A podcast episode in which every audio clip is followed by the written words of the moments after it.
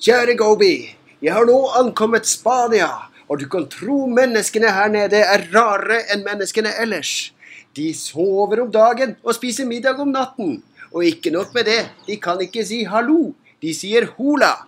Forventet nytt brev snart. Hilsen onkel reisende Jon.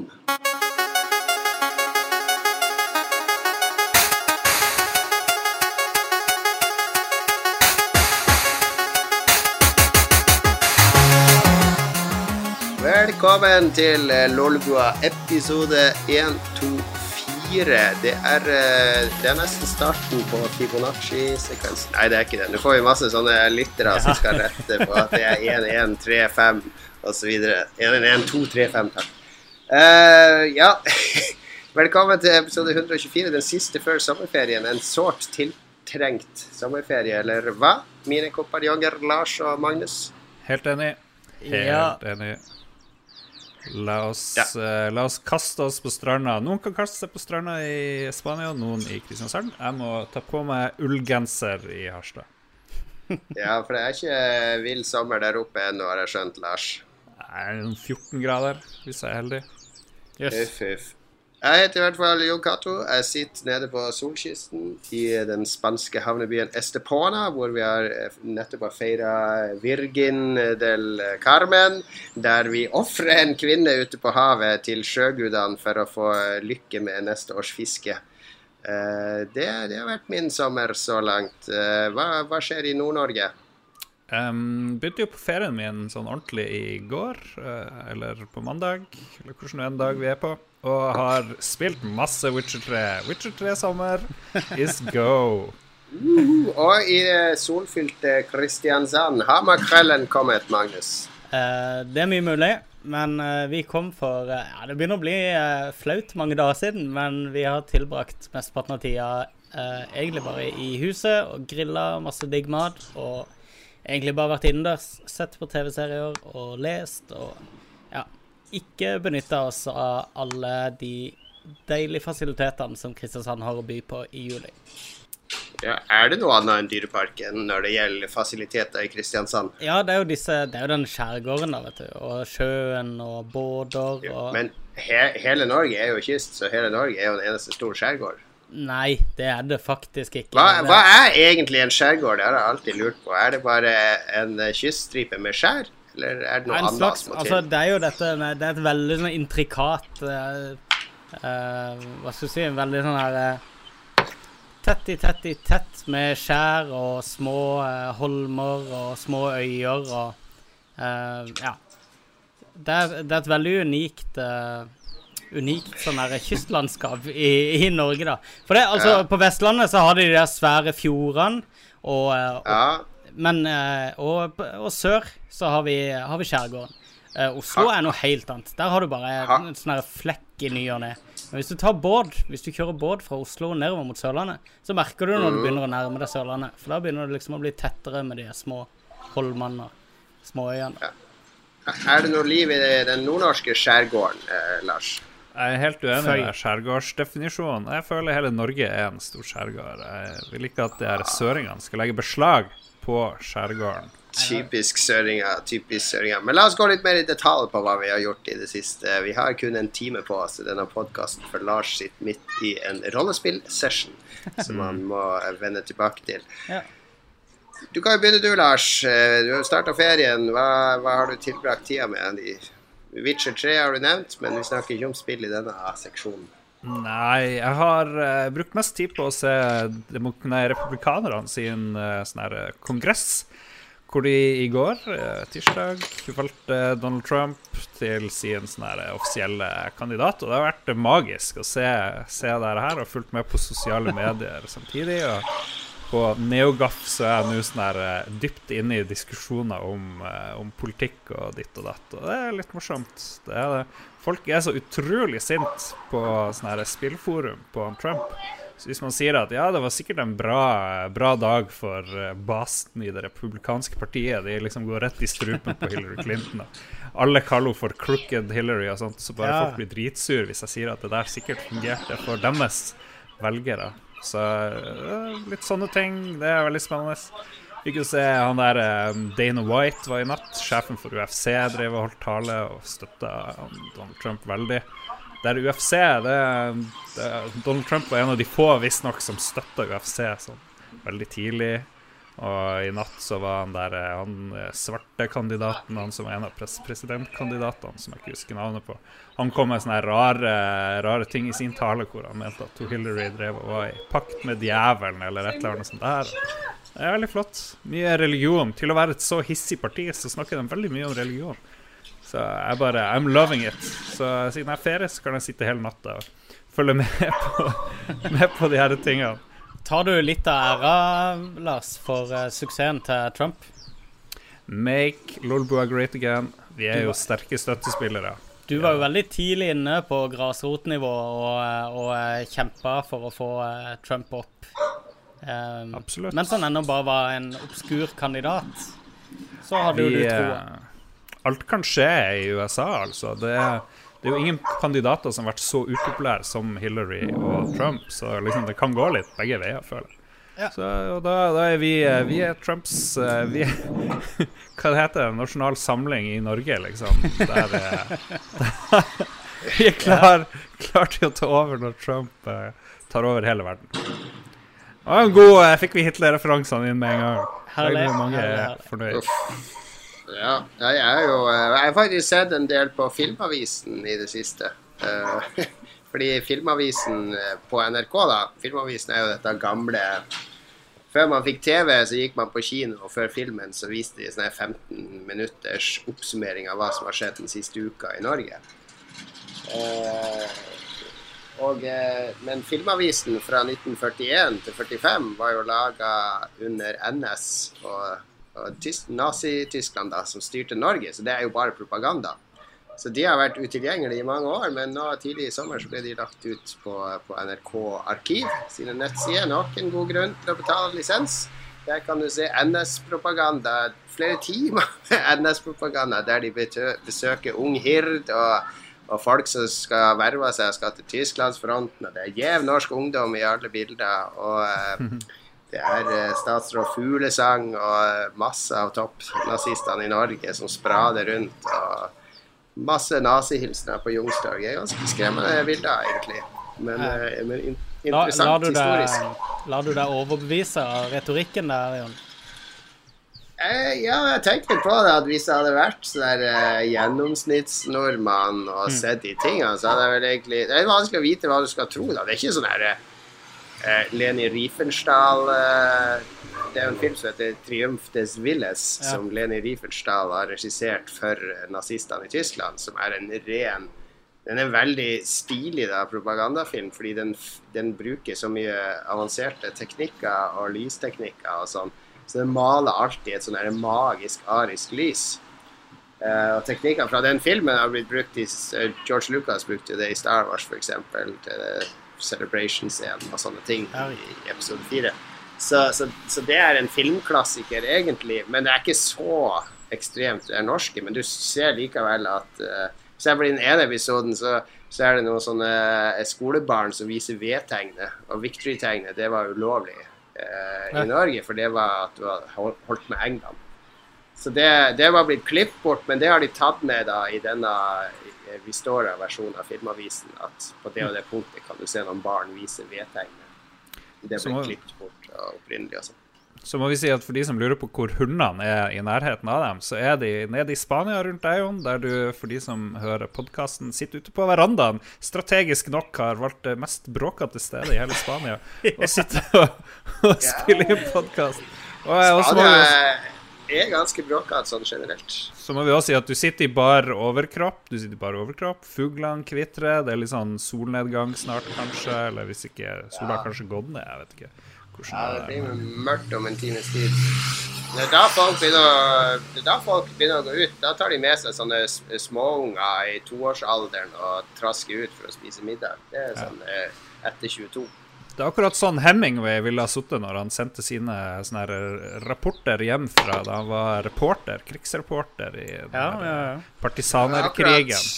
Akkurat, det jeg fisker etter at noen av dere skulle koble, se min maskuline overkropp her jeg sitter og drikker alkohol nede på slagmarka i sør. Ja, har du vært på uh, tyrefekting, da? Er det lenge siden du var der? jeg eh, jeg boikotter tyrefekting, men vi bor rett ved en sånn stor uh, sånn tyrefekterarena. Uh, fun fact den eneste tyrefekterarenaen i Spania som er oval i stedet for rund. Er det høyere Men hvis- vanskelighetsgrad, da? uh, det kan hende det at den er et hakk opp. Men uh, vi skal dit uh, på lørdag, ikke på tyrefekting, men på sånn motocross-show eh, som de har. De har kino og alt mulig inne på Tyrefekterarena. Ja.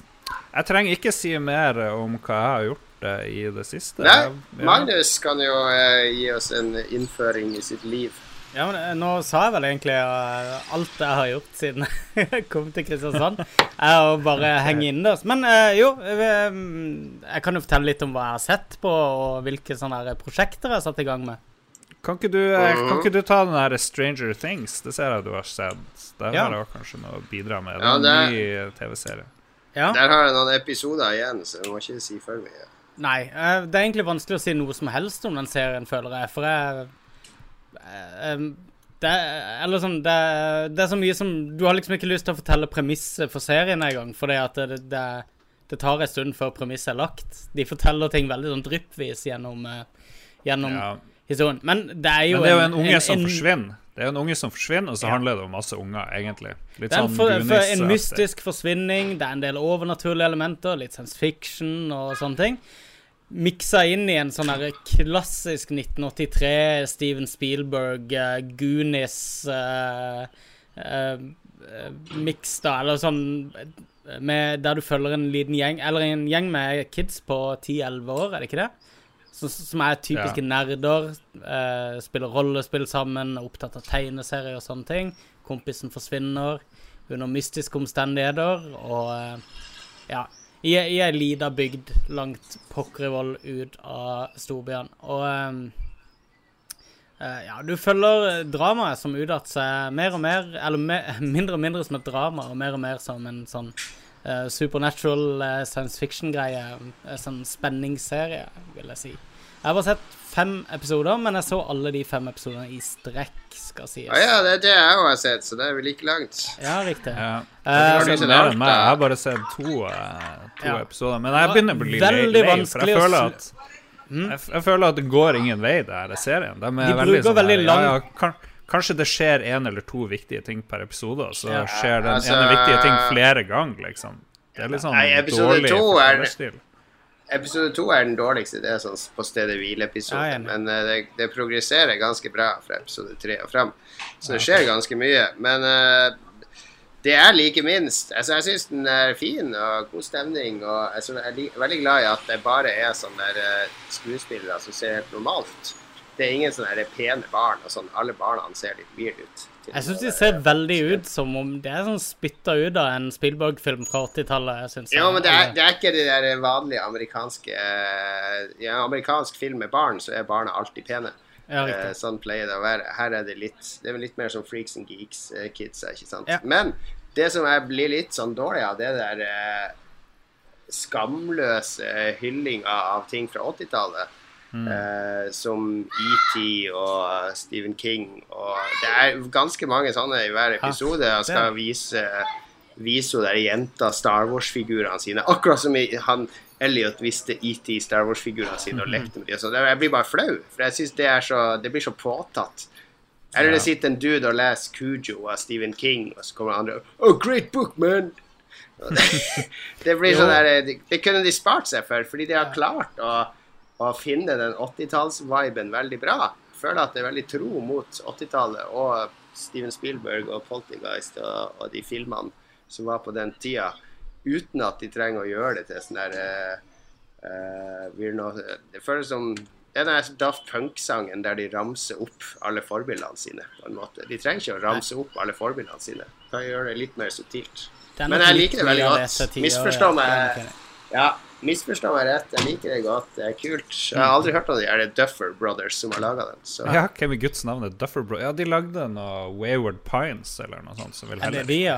Det var Jeg tror det som jeg ikke er veldig bra. De Ja, prøver å lage en bra verden, men, men det, in, det inneholder veldig lite. Det er en sånn fin verden, men Det mangler Ja, men. Wave, de har ikke, de har ikke laga Wayward Pines, fordi Wayward Pines er eh, Det er skrevet av en som heter Blake, så det er en adopsjon av en boktrilogi. Ja. Ja, ja. Men, de har, men de har sikkert stått bak filmatiseringa. Den er helt grei i forhold til originalmaterialet, men det er vanskelig å Ja, det er også sånn eh, Jeg takla ikke den serien. Jeg syns den var kjempedårlig. Det var den som skulle være sånn Twin Peaks-aktig. Var det ikke det? Ja. Ja. Ja, Jeg syns han var kjempesvak. Men um, soundtracket i serien, i hvert fall i Stranger Things, er dødsbra. De er ordentlig flinke på, eh, på musikk, syns jeg. Og jeg liker bare den der introen. Det er ikke mange serier jeg ser ferdig introsekvensen i hver eneste gang. Og det er ikke det at det skjer så mye spennende, men det er så visuell og og digg musikk og eh, Jeg syns det er et veldig gjennomført konsept i hele Stranger Things. Det har de gjort en god jobb med. Sjekk ut hvis dere Alright. ikke har gjort det allerede.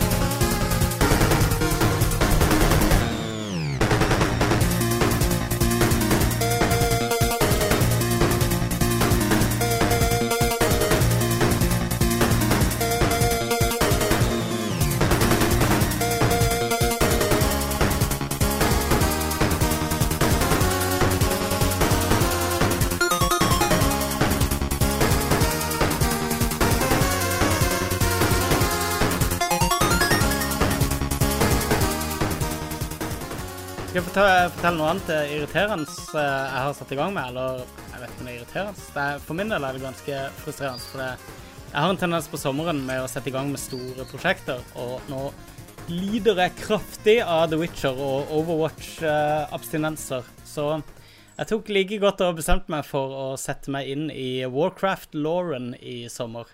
Så eh, jeg har anskaffa alle tegneserier.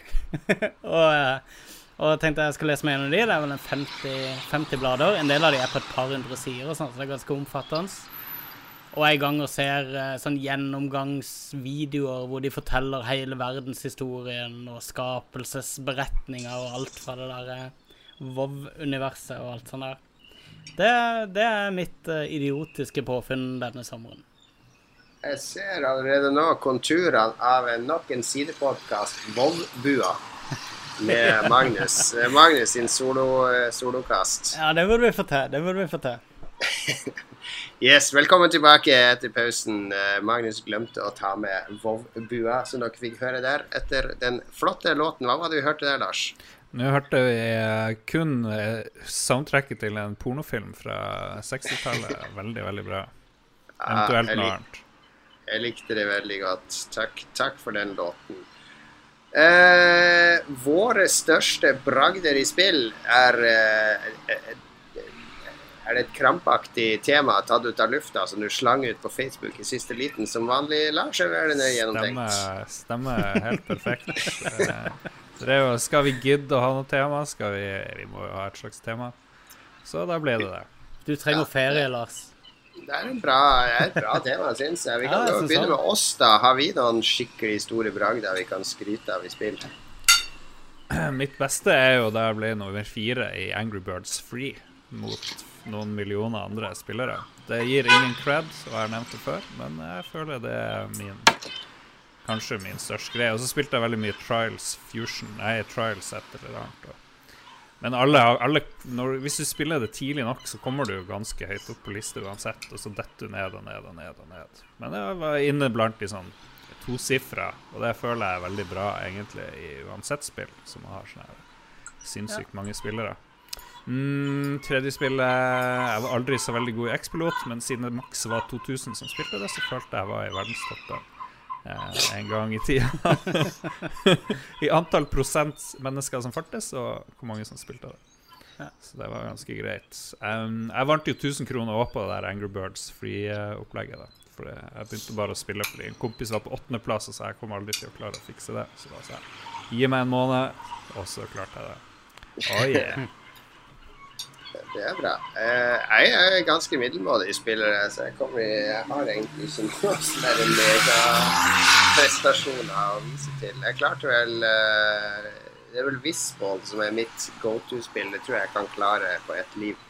Men det, det er ingen som har spilt det, så det er ingen som vet hva den prestasjonen går i. Så det er litt sånn eh, meningsløst å prate om. Vi kan òg fortelle om ting vi har gjort som er litt sånn unikt i et spill. Hvis vi har klar, hvis vi liksom har spilt Sånn som han ene vi hadde som gjest da vi, jeg og du, Jon, hadde podkast i Harstad. Han spilte sånn three heart run i Uh, den der Ocarina of Time, eksempel. Ja, ja, er der du ikke har lov å ta hjertet.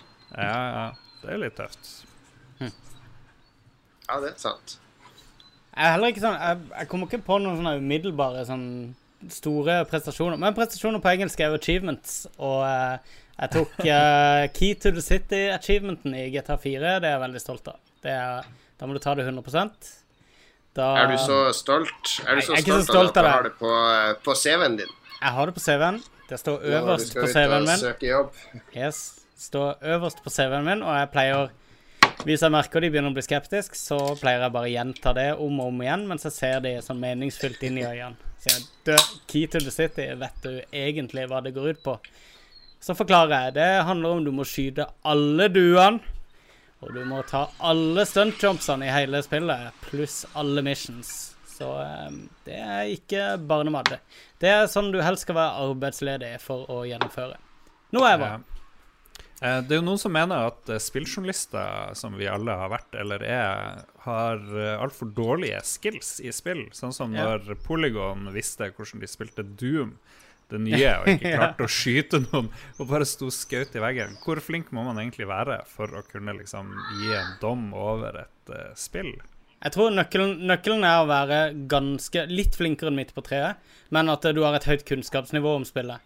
For det Hvis du representerer Altså, hvis du er ca. midt på treet, litt bedre, så representerer du de aller fleste som skal spille spillet, sannsynligvis, og gir de noe de kan relatere til, noe som er relevant for dem, da. Jeg har ikke lyst til å liksom høre fra verdens beste spiller i Overwatch, f.eks., om Ja, Overwatch er et dårlig eksempel, da, siden det er et multiplayerspill. Men et uh, singleplayerspill, da. eh, Et lignende singleplayerspill. Jeg har ikke lyst til å høre fra de om, om spillet er for lett. Det forteller meg ingenting. At verdens beste FPS-spiller syns det spillet var for lett. Men- kommer men det er viktig å ha- Hm? ja, det, kom, det kommer jo helt an på hvem som eh, Eller hvem anmeldelsen er for. Altså Hvis Ja, det du det er en spiller som sikter deg mot å bli liten av Overwatch eller Ja. Doom, så vil du jo høre fra noen som har brukt 200 timer på det og kan fortelle deg i detalj om nyansene når du blir god. Og Ja. altså skiller veldig god fra ganske god osv. Ja. Det får du ikke fra vanlig spillanmeldelse. Men de er jo i mindretall, de spillerne, da. Uh, så jeg vet ikke, det blir som å si at du vil ha vil, Det er ingen Den beste litteraturkritikeren er jo ikke han som klarer å lese boka fortest. Hvis Jo, man skal det måle det i den Eller som har flest ord i vokabularet sitt. Nei. Det er jo han som har litteraturhistorie og kan sette ting i kontekst, og ikke minst har forståelse for uh, hva, hva, hva opplevelsen, eller hva boka prøver å formidle, eller hva Ja.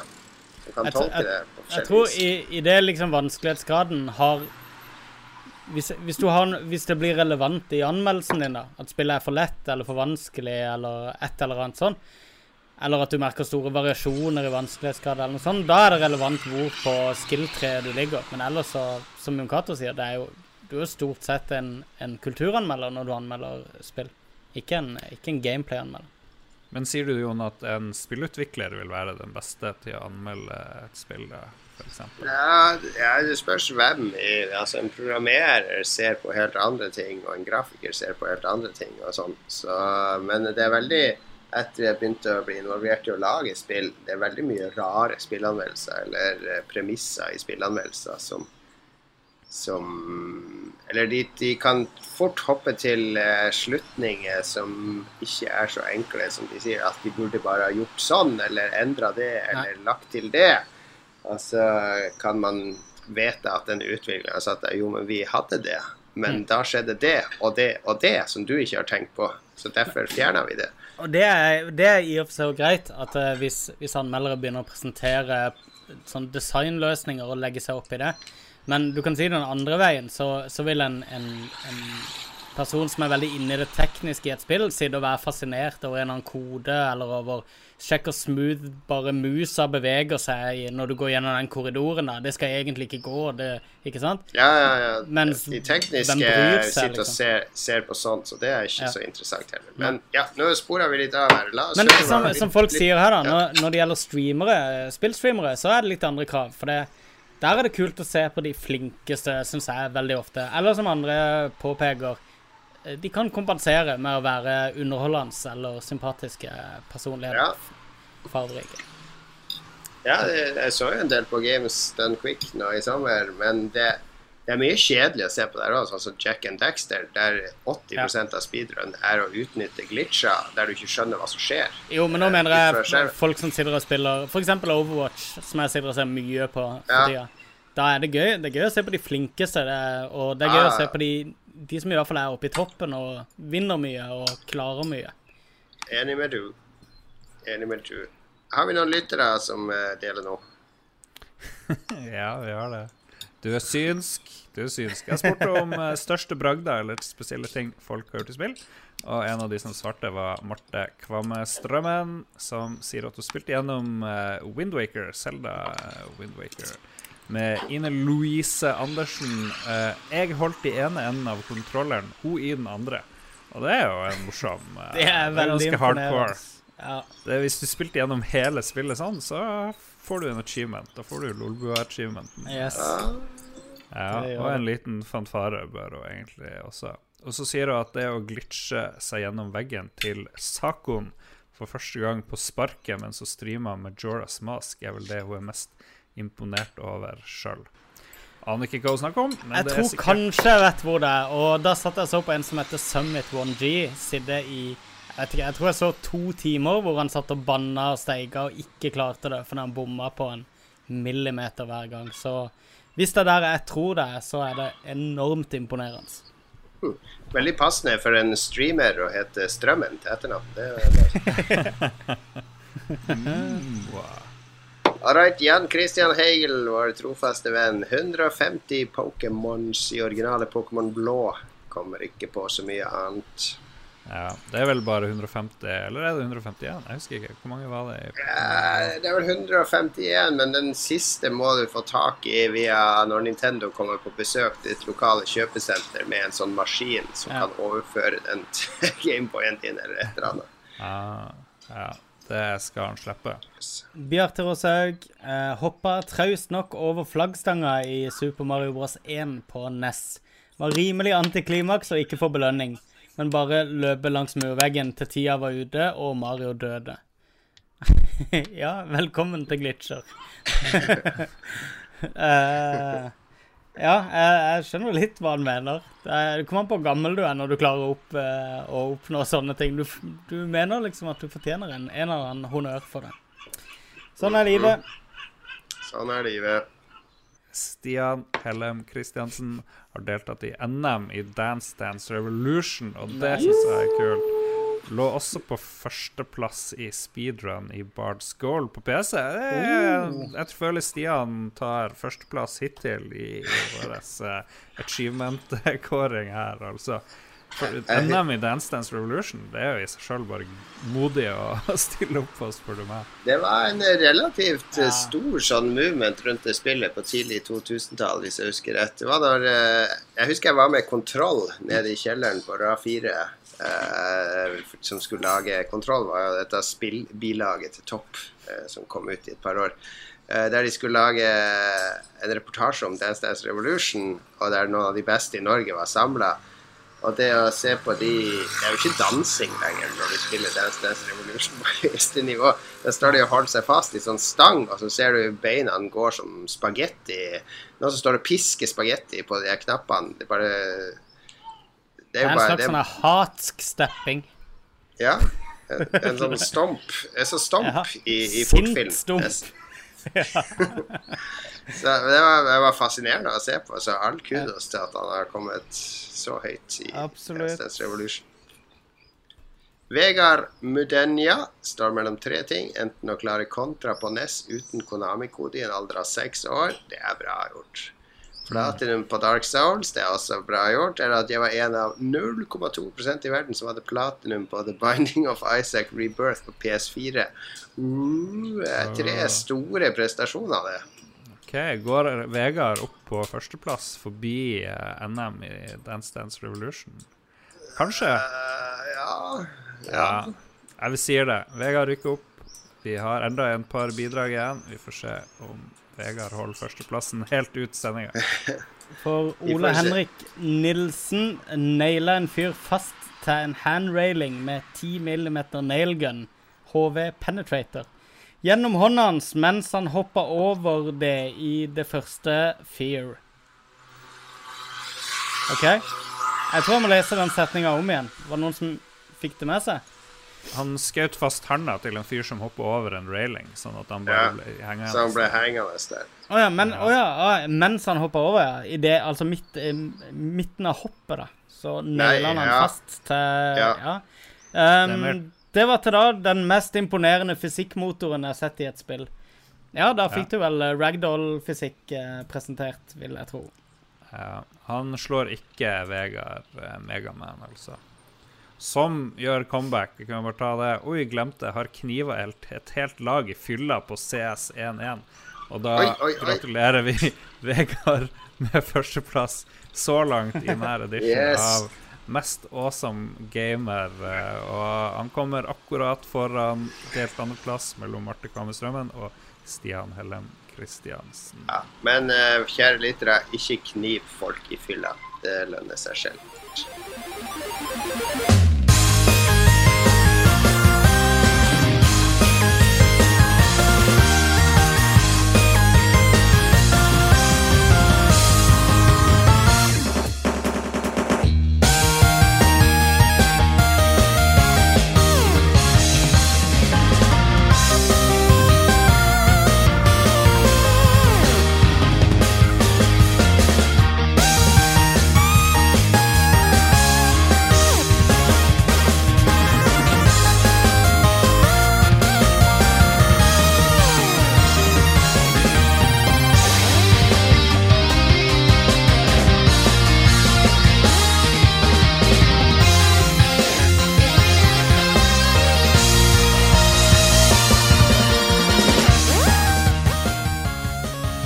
Tjoppador, det var super tempo på den sendinga her, må jeg si. Akkurat som i Spania. I Spania er det ikke så høyt tempo, da. De skal jo ha siesta, og det er manana, manana hvor enn man går. Og eh, man blir vant til å vente på ting. Så det var litt deilig å være litt effektiv. Uh, dra til Spania for å se at Lolbua faktisk er ganske effektivt. Det er en, eh, en eh, eye-opener.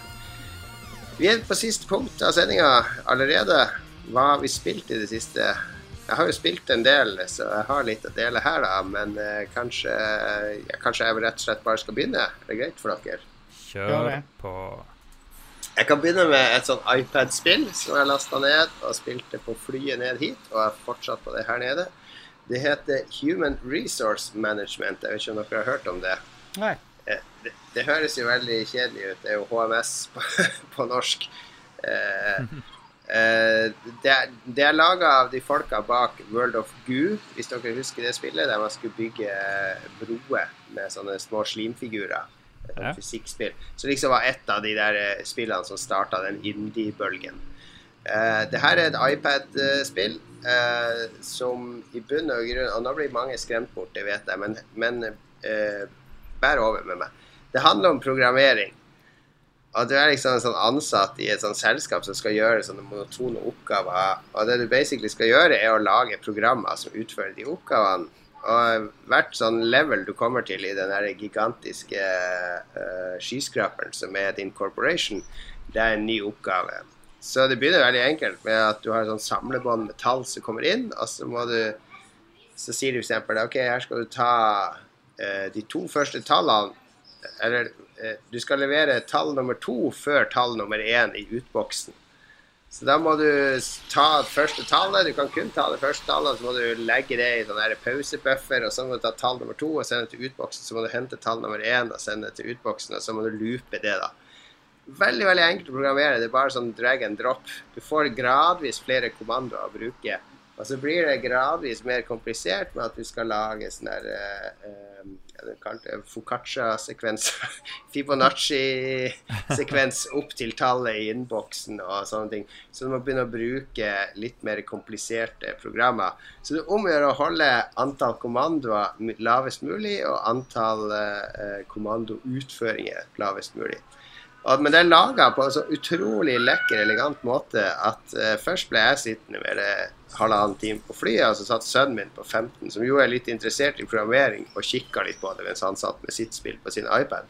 Så måtte jeg til slutt gi iPaden til han, og da bare sugde han en tom for batteri på å sitte og presse seg langt forbi der jeg hadde kommet i spillet. Og så er jeg fortsatt her nede. og det er det er liksom klassisk hjernetrim. Eh, det minner meg om et adventure-spill. At du får et problem som skal løses, og du har et, en inventory med kommandoer da, som du skal bruke for å løse det problemet. Og veldig lekkert grensesnitt og animert og, og alt sånt. Så det anbefaler jeg supervarmt til alle som vil ha et, et spill. Selv om du ikke er interessert i programmering. Jeg er ikke interessert i programmering, men jeg syns det er fascinerende å lage systemer som fungerer. For det er det det handler om. At du lager et system som løser eh, et premiss du får utlevert. Eh, og du blir, kommer til å bli overraska over hvor smart du kommer til å føle deg når du, når du lærer deg hvordan du skal dividere med de enkle kommandoene og sånn. Og så er det Alt har røtter i ekte programmering. Så Human Resource Management anbefales varmt. Uh, er det på Steam, eller?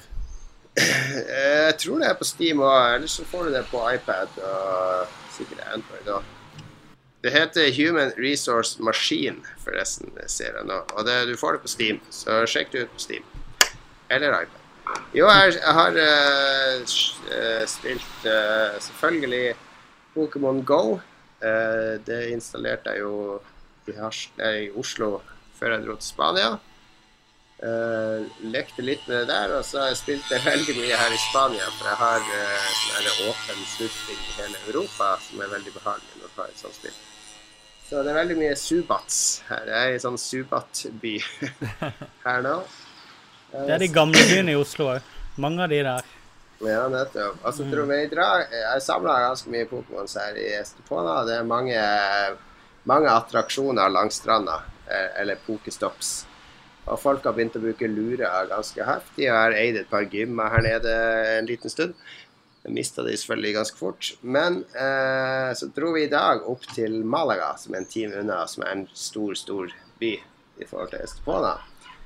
Og så rusla litt rundt i gamlebyen, og der er det sånn pokerstopp på hvert hjørne. Nå skjønner, skjønner, jeg klagen på de som bor ute på bygda og har sånn tre pokestopp så de kan variere mellom. Og i Malaga der så fant vi Vi så en sånn park et stykke unna da, der det bare Det var så lilla pga. de allures som folk hadde lagt ut at hele parken var bare lilla. Du kunne ikke se det grønne. Så vi vandra mot den parken, og i den parken så er det, det er liksom fem pokestops innenfor ti meter av hverandre. Hm. Så, så det, satt, det, satt, liksom 30 spillere i midten av den parken, på benker og på de murveggene. Og, og du bare altså, aktiverte en sånn incense, og det bare dukka opp én Pokémon hvert halve minutt. Altså refresha alle de her stoppene rundt deg. Du trengte ikke å bevege deg, bare spinne, spinne, spinne, fange, fange, fange. Eh, rett og slett en eh, Ikke en hack, men det er, det er nesten en gamebreaker. Så jeg fikk to levels på, på å, å, sitte der i 45 minutter sammen med, med, med to av ungene mine. Ja. To levels. Nei, nå er jeg 13, 14, tror jeg. Ja, okay. Voibyen har, uh, har ett stopp. Ett pokestopp.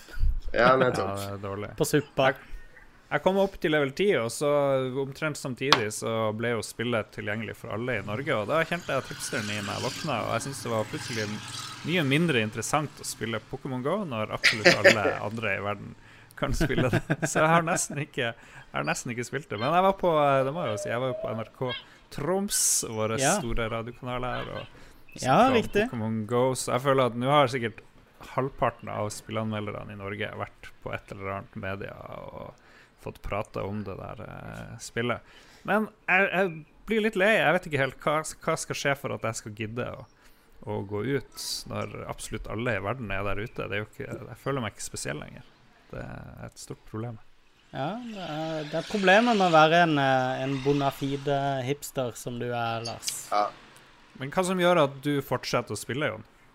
For det første er jeg på ferie, for det andre så er det morsomt å ha noe å følge med på når vi er ute og trasker. Har du sånn her batteripakke sånn du går med ledninga opp fra lomma? Nei, det har jeg ikke. Så jeg, jeg må jo ha fullt batteri når vi går ut, for den suges jo tom ganske fort. Men eh, jeg skal bruke anledningen nå. Vi skal farte litt mer i Spania til et par andre storbyer. ikke sant? For det er jo forskjellige Pokémon i de forskjellige byene. Så i dag så oppe i Malaga der så fant jeg jo en Geodude og en Charizard og, og en rekke andre som jeg ikke har sett her nede i Estepona. Og i morgen skal jeg bort til Tariffa, som er en time vestover, så jeg regner med å finne noen nye der òg. Så jeg skal bare samle opp masse før jeg drar opp til Norge og så se hva som, hva som gjelder i Oslo.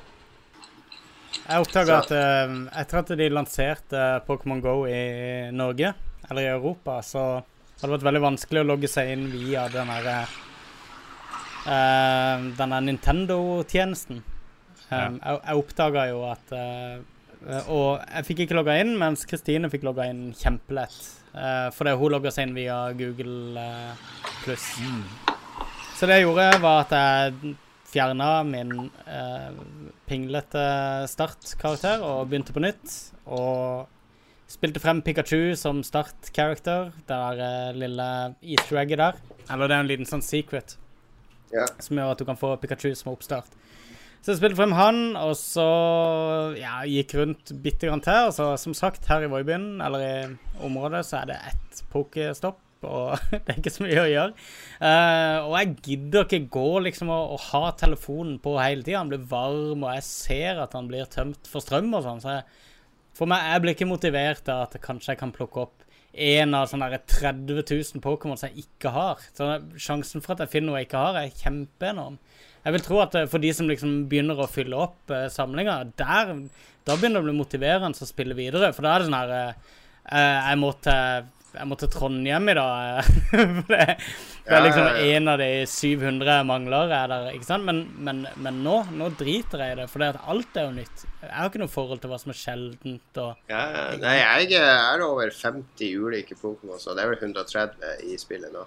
OK. Eh, så jeg, jeg begynner jeg er sånn aktivt på jakt etter folk nå, da. Men så skal jeg jo neste uke så skal jeg en sånn kjapp dagstur her fra, fra Spania opp til London. Fordi jeg skal på noen sånn Sony-greier. Og det er bare jeg å tenke med en gang Yes, lurer på hvilke Pokémons jeg finner der oppe i London som jeg ikke har funnet her i Spania. Det er en gyllen anledning. Så, så eh, nei, det blir bra. Det er bra å farte litt.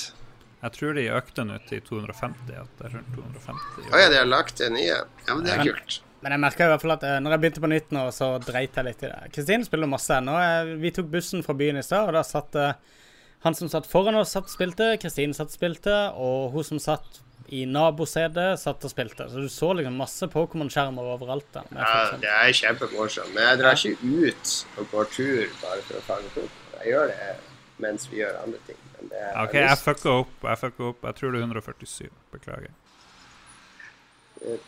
Ellers har jeg spilt World of Warcraft. Det er mitt feriespill. Bruker jeg å aktivere kontoen min og så starte en ny karakter, og så bare sitte og gjøre quests ute på terrassen i sola. Ja, Du sitter med, med Legion, eller bare WoW generelt? Nei, Legion kommer ikke før i august, tror jeg. Ja, men du har ikke beta for det, har du det? Nei, det gidder jeg ikke. Jeg bare spiller gammel WoW og utforsker ruiner. Nå har jeg kommet til level 15, så jeg kan ta og gå inn på LFG og gjøre noen av de lavlevel dungeons. Ja, det er fint. Det er fint. Jeg har sittet i, uh, i Oslo siden sist, så har jeg basically innarbeida en sånn her uh, litt, Kanskje litt sånn uheldig rutine i livet mitt, hvor uh, jeg står opp ganske tidlig, og så spiller jeg tre-fire timer med Witcher mens jeg spiser frokost og drikker kaffe og ja, alt tabber ut litt, og kanskje prater litt på Facebook, tilbake igjen til Witcher, og så starter jeg dagen, går og finner på ting. Når det begynner å bli mørkt, setter jeg meg ned med Overwatch, og der begynner jeg å kjenne litt vel mange andre som spiller. Jeg har liksom alltid et team å gå til. Og um, det er alltid noen som akkurat har kommet på, som har lyst til å spille med, og jeg blir ofte sittende til sånn Jeg har sittet til fem og spilt. og eh, jeg prøver liksom å bli ferdig i to, men, men det blir ofte veldig, veldig seint. Det er et enormt bra spill fremdeles. Um, men uh, etter at jeg dro tilbake her så, til Kristiansand, så jeg tenkte ja, kanskje det er bra å, å få en liten sånn uh, Få en, en, liten pause fra den der uh, rutina der. Og ligge litt unna Witcher, ligge litt unna Overwatch. Men um, jeg merker at jeg bare prøver Jeg, jeg klarer ikke liksom å, å, slå meg ned med et nytt spill. Jeg klarer ikke å finne noe jeg har lyst til å spille mens jeg er her i Kristiansand. Så jeg har ned en hel haug med spill, men jeg gidder bare å spille en sånn ti minutter før jeg blir lei det. Så Du får prøve det på Human Resource-maskin, ja, vet du. Det var et kjempegodt tips. Det tror jeg faktisk jeg skal teste ut. Og så har jeg preordra pre Headlander, som er et sånt samarbeid mellom Double Fine og um, Adult Swim, som er to av mine favoritter her i verden. Um, et slags sånn 70-talls uh, sci-fi-spill hvor du kan lande hodet ditt på forskjellige vesener og ta over kontrollen av dem. Det slippes nå om ikke lenge til, så det gleder jeg meg til. Ja, det er bra at uh, Det så jeg første gang på konsoll i Bergen i fjor oktober. Ja. Uh, da var jeg også ute og spiste pinnekjøtt med han Lee-designeren der. Så, uh, Lee Patty. Lee Patty, ja. Så det er et Det så veldig kult ut allerede da. Han er, han er veldig flink med visuelt design. Ja, veldig. Veldig, veldig. Så det blir spennende å se, da. For det Ja. Det, jeg regner med det blir noe jeg kan spille på toget hjemme, i hvert fall. Men uh, idet jeg går av toget, så er det sprintmarsj hjem og spille Overwatch, tror jeg. Lars, Lars, Lars, Lars. Hva har du spilt i det siste? Hva har jeg spilt? Jeg prøvde meg litt. Eh, nå har folk kommet litt hjem eh, fra ferie av noen av de boysene som har vært borte oppe i Harstad, så da har vi kasta oss tilbake i The Division. Vi logga vel ut i sinne etter 45 minutter, kanskje. Et eller annet sånt. I sinne. ja, for nå har de økt. De har liksom peisa på med mer høylevel-våpen og ditt og datt. Og, ja. og, utstyr, og så har vi fått det, og da betyr det at de har lagd enda en sånn seksjon i The Dark Zone, hvor det er mye sånn PVP og de verste fiendene er. Så vi, vi havna i den der to, level 231 pluss uh, gear score-kategorien. Ja. Hvor det bare er helt sånn galskap. Folk skyter dem med ett skudd hvis de kommer med shotgun. Og de som har eh, flammekaster, de bare ser på deg, og så dør du. Så vi prøvde nå å springe litt der og finne noen kule ting. Uh, og lykkes for så vidt med det. Vi kan kun være i dark zone 1, én av seks, uten, liksom, uten, å føle at vi dør med en gang. Og så skulle vi ekstrakte og ta ut utstyret vi hadde fått, og så kommer det noen andre spillere. Han ene hekter på lut, for du må jo ekstrakte og få det ut for å for at det skal bli ditt endelig.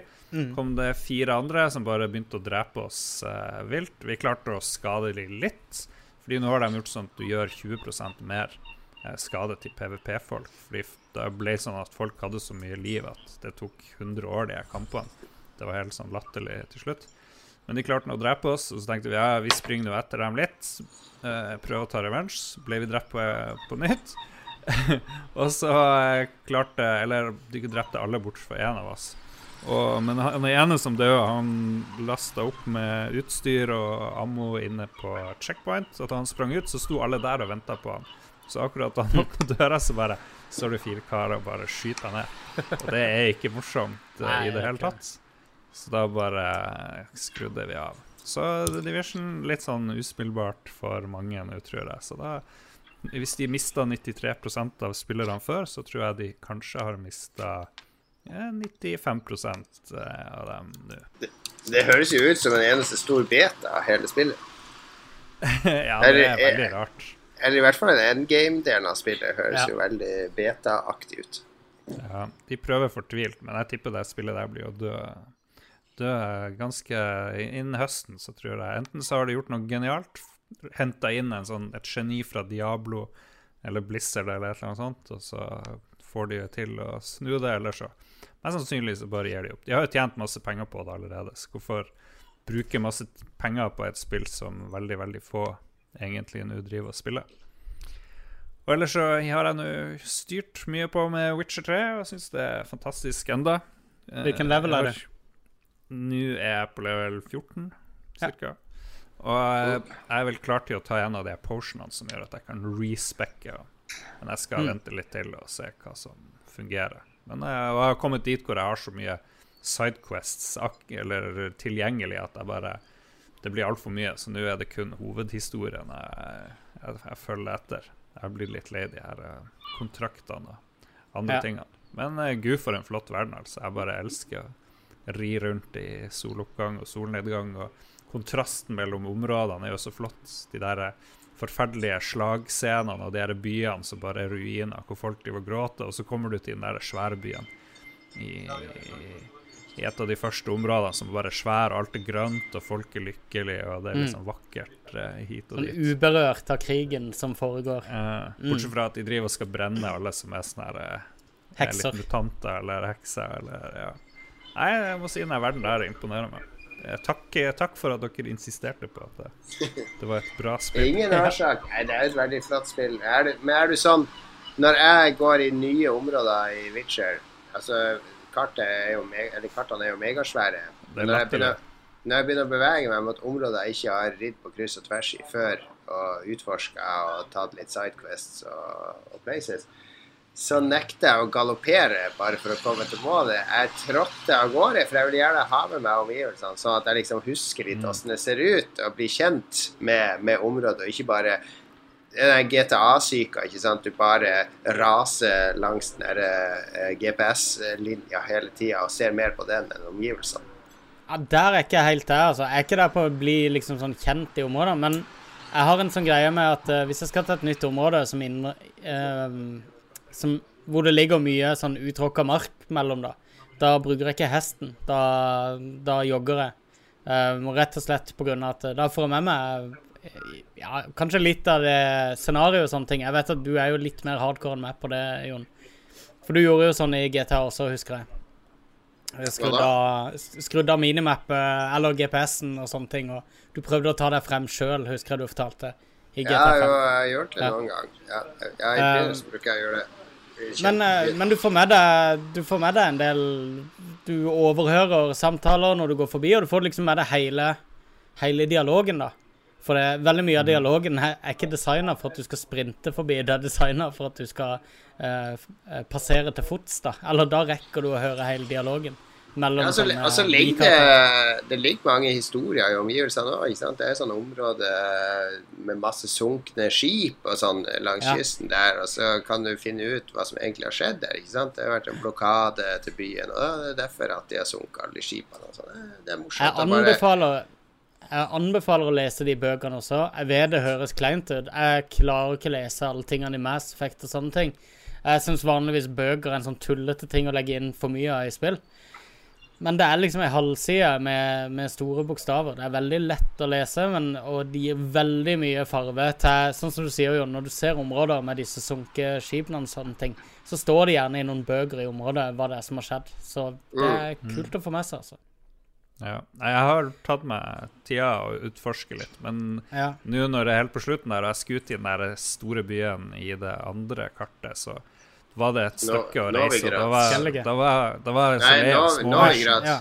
Ja, Ja. Når jeg skulle dit, så var jeg så lei av de småmisjonene at jeg bare galopperte en kilometer av sted og bare ignorerte alt som var i nærheten. Bare for Men det var det komme jeg sa- Det var det jeg sa til deg, Lars, at uh, idet du kommer til Novigrad, det er da spillet på en måte bremser opp. Jeg slutta å spille det to ganger akkurat der. Så det er et sånt sted der du bare må krige deg videre, for det, det er verdt det. Det løsner veldig etter det òg. Men eh, et problem jeg begynner å støtte på nå, er at alt er bare så lett. Eh, og eh, det har ikke noe med skills å gjøre, eller noen ting, men det har med at liksom Hvis jeg tar mer side missions nå, så løper jeg fra spillet. Eh, jeg, jeg føler meg alltid Jeg gidder liksom ikke ta noen potions før kamper og sånn, for jeg klarer å fullføre alt. Jeg vinner alt på første forsøk. Jeg dør aldri lenger, liksom. Men jeg leste at i tillegg til å kunne skru opp vanskelighetsgraden, så kan du også skru opp at fiendene eh, leveler opp sammen med deg. Er det, eksisterer det, eller er det bare sant? Scaler missionsene? Da Ja, er at det det var noe greier i, i options, men jeg vet ikke om det er sant, eller om det var bare noe Det er kjempeinteressant, i hvert fall. Det skal jeg lese meg opp på. Det var et godt Ja. råd. Do it, do it. Det var det vi hadde spilt siden sist. Hvis Ja. ingen har Ja. noe sånn last minute-spill. jeg prøvde Day of Tentacle på iPad, den remaken. Det var egentlig en synd. Det skal jeg streame gjennom når jeg kommer hjem nå.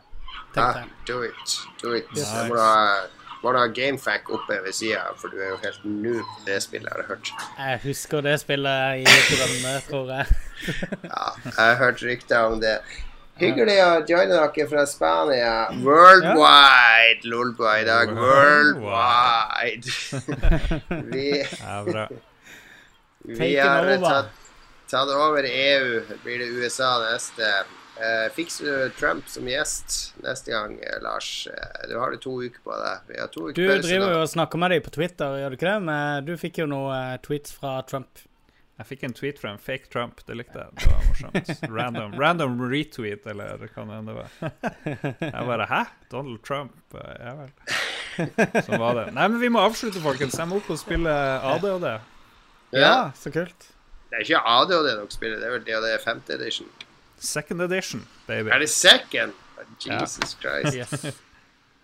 Old school. Old school. Jeg er en bitter, eh, bitter half-elf eh, med en curse. Eh, Om to år kommer en demon og skal ha sjela mi. Og alt jeg tar i og sånt, begynner å visne. Så det er, det er en hard tilværelse jeg driver og lever i akkurat nå. Du den omvendte kong Midas. Alt du tar i, blir til bæsj. Ja, ja. Jeg har funnet ut at esel er det dyret som holder lengst når jeg driver med han og jeg skal ri på. Så de blir sakte sånn for, for albino albinoer, de der tingene. Sånn er det. Meget interessant. Så gleder jeg meg. Det er knapt jeg kan vente i tre uker til å høre åssen det gikk i ADHD. Men jeg skal, jeg skal prøve etter beste evne å holde ut. Eh, vi tar som sagt sommerferie, men vi kommer til å eh, produsere et eller annet i de to ukene vi er borte. Jeg skal fikse en ny Sid-bua i løpet av sommerferien. Og Magnus skal jobbe hardt med Vov-bua. Ka- Kanskje Eh, ikke. ja. Nei, vi får se, vi får se. vi får se.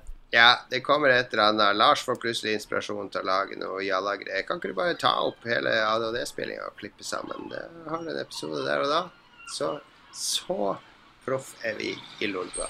Det er vi. Eh, følg oss på Twitter, Facebook og Twitch og hvor enn du ønsker å følge oss. Der vi kan bli fulgt, kan vi følges. Eh, vi er tilbake. Vi er fortsatt ikke banda. Vi går mot band på Twitter da, i og med at de driver og stenger ute sånne høyrefolk. Og siden vi er så store Trump-supportere, så ligger vi i faresonen. Men vi får krysse fingrene for at vi ikke blir kasta ut, sånn som Nero. Jeg tror vi overlever. Jeg tror vi Men, overlever. Er det noe mer? God sommer til alle lyttere. God sommer, folkens. Yeah. God sommer og peace and love. Det har blitt skikkelig mørkt hos deg. Nå ser vi der lysene i bakgrunnen hos deg. Ja, nå har det tatt Ja. helt av. Ja, hvis, du lager, hvis du lager sånn der, eh, sånn fortfilmgreier, så kan du liksom se hvordan lyset forandrer seg kjapt. Og jeg sitter og rører hodet mitt veldig fort. Det er jo en Cato Altså, han sitter jo med det er jo bare, Vi vet jo dette, Lars, at det er bare en plakat han har bak seg på veggen der, og en kassettspiller som spiller sånn der eh, atmosfærelyder, og nå står, eh, nå står kona der med dimmeren og dimmer lyset i rommet for å gi en illusjon av natt. Så det Men eh, gjennomført. Kudos for eh, lyseffekter, Jon. Takk, takk, takk. Special effects. Uh, Kos deg videre videre i. Spania. Yes, kos dere i nord og sør, og hvor enn dere har tenkt dere. Og til dere lyttere, okay. og kos dere på ferie. Fang mange Pokémons, og vi høres om noen uker. Ha det bra! Ha-ha det.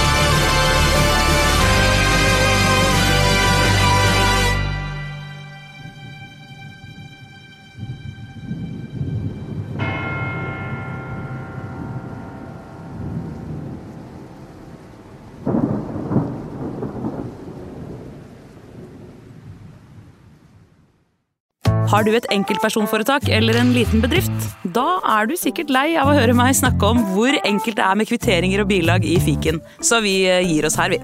Fordi vi liker enkelt. Fiken superenkelt regnskap.